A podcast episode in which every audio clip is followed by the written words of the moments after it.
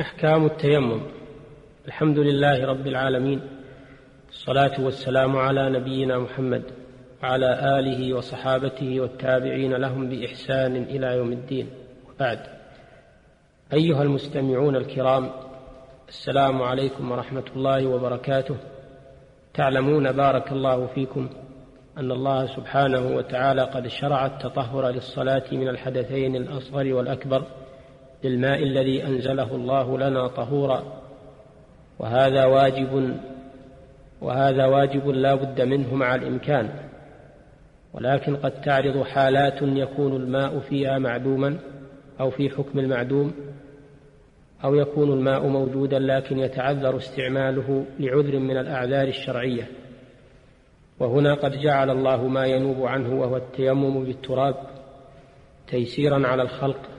ورفعا للحرج. يقول الله تعالى في محكم تنزيله يا أيها الذين آمنوا إذا قمتم إلى الصلاة فاغسلوا وجوهكم وأيديكم إلى المرافق وامسحوا برؤوسكم وأرجلكم إلى الكعبين. وإن كنتم جنبا فاطهروا.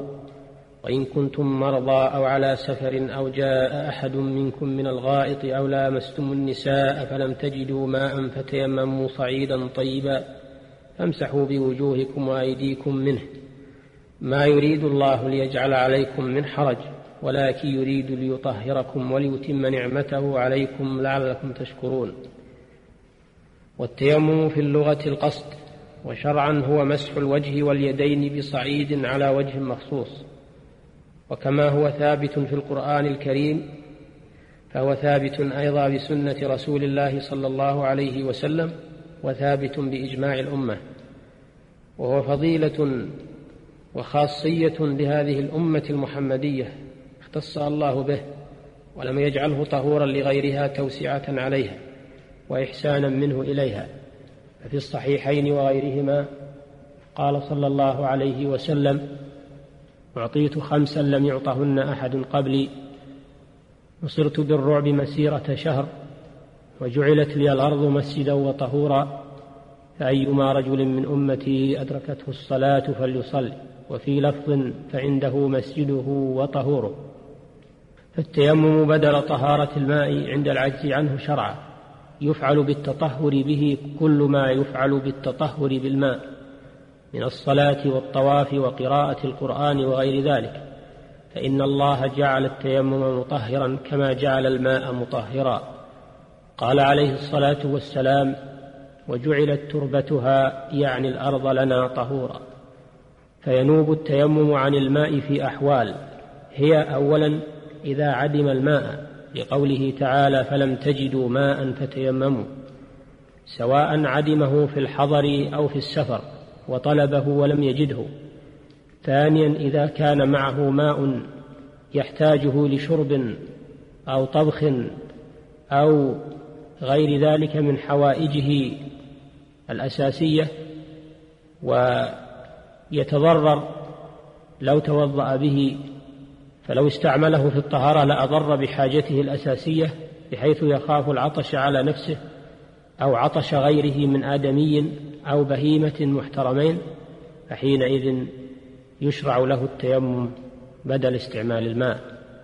ثالثا إذا خاف باستعمال الماء الضرر في بدنه بمرض أو تأخر برء قوله تعالى وإن كنتم مرضى إلى قوله فتيمموا صعيدا طيبا الآية. رابعا إذا عجز عن استعمال الماء لمرض لا يستطيع معه الحركة وليس عنده من يوضئه وخاف خروج الوقت. خامسا إذا خاف بردا باستعمال الماء ولم يجد ما يسخنه به فإنه يتيمم ويصلي. لقوله تعالى ولا تقتلوا أنفسكم. ولقصة عمرو بن العاص رضي الله تعالى عنه حينما حينما كان في سفر وأصابته جنابة وعنده ماء بارد خشي باستعماله الضرر على نفسه. فتذكر قول الله تعالى ولا تقتلوا أنفسكم فتيمم وصلى بأصحابه. فلما قدم على النبي صلى الله عليه وسلم وذكر له القصة أقره على ذلك. ففي تلك الأحوال يتيمم ويصلي. وإن وجد ماء يكفي بعض طهره استعمله فيما يمكنه من أعضائه أو بدنه وتيمم عن الباقي الذي قصر عنه الماء. قوله تعالى فاتقوا الله ما استطعتم. وإن كان به جرح يتضرر بغسله أو مسحه بالماء تيمم له وغسل الباقي لقوله تعالى ولا تقتلوا أنفسكم. وإن كان جرحه لا يتضرر بالمسح مسح عليه بالماء وكفاه عن التيمم. ويجوز التيمم بما على وجه الأرض من تراب وسبخة ورمل وغيره. هذا هو الصحيح من قولي العلماء لقوله تعالى فتيمموا صعيدا طيبا وكان صلى الله عليه وسلم وأصحابه إذا أدركتهم الصلاة تيمموا بالأرض التي يصلون عليها ترابا أو غيره ولم يكونوا يحملون معهم التراب وصفة التيمم أن يضرب التراب بيديه مفرجتي الأصابع ثم يمسح وجهه بباطن أصابعه ويمسح كفيه براحتيه.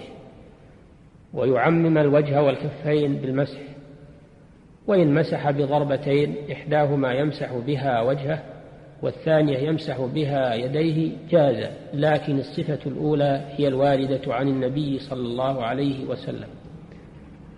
ويبطل التيمم عن حدث أصغر بمبطلات الوضوء ويبطل التيمم عن حدث أكبر بموجبات الغسل من جنابة وحيض ونفاس.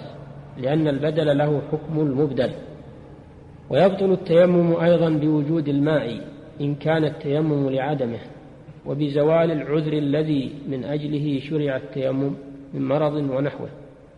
أيها المستمع الكريم هذه جملة من أحكام التيمم سقناها لك فإن أشكل عليك شيء منها أو من غيرها فعليك أن تسأل أهل العلم ولا تتساهل في أمر دينك. لا سيما أمر الصلاة التي هي عمود الإسلام. فإن الأمر مهم جدا وفقنا الله جميعا للصواب والسداد في القول والعمل وأن يكون عملنا خالصا لوجهه الكريم إنه سميع مجيب. وهنا أمر يجب التنبيه عليه. ذلك أن من عدم الماء والتراب أو وصل إلى حال لا يستطيع معه لمس البشرة بماء ولا تراب فإنه يصلي على حسب حاله بلا وضوء ولا تيمم لأن الله لا يكلف نفسا إلا وسعها ولا يعيد هذه الصلاة التي أتى بها في هذه الحالة لأنه أتى بما أمر به لقوله تعالى فاتقوا الله ما استطعتم ولقوله صلى الله عليه وسلم إذا أمرتكم بأمر فأتوا منه ما استطعتم. وإلى الحلقة القادمة إن شاء الله تعالى. السلام عليكم ورحمة الله وبركاته. صلى الله وسلم على نبينا محمد.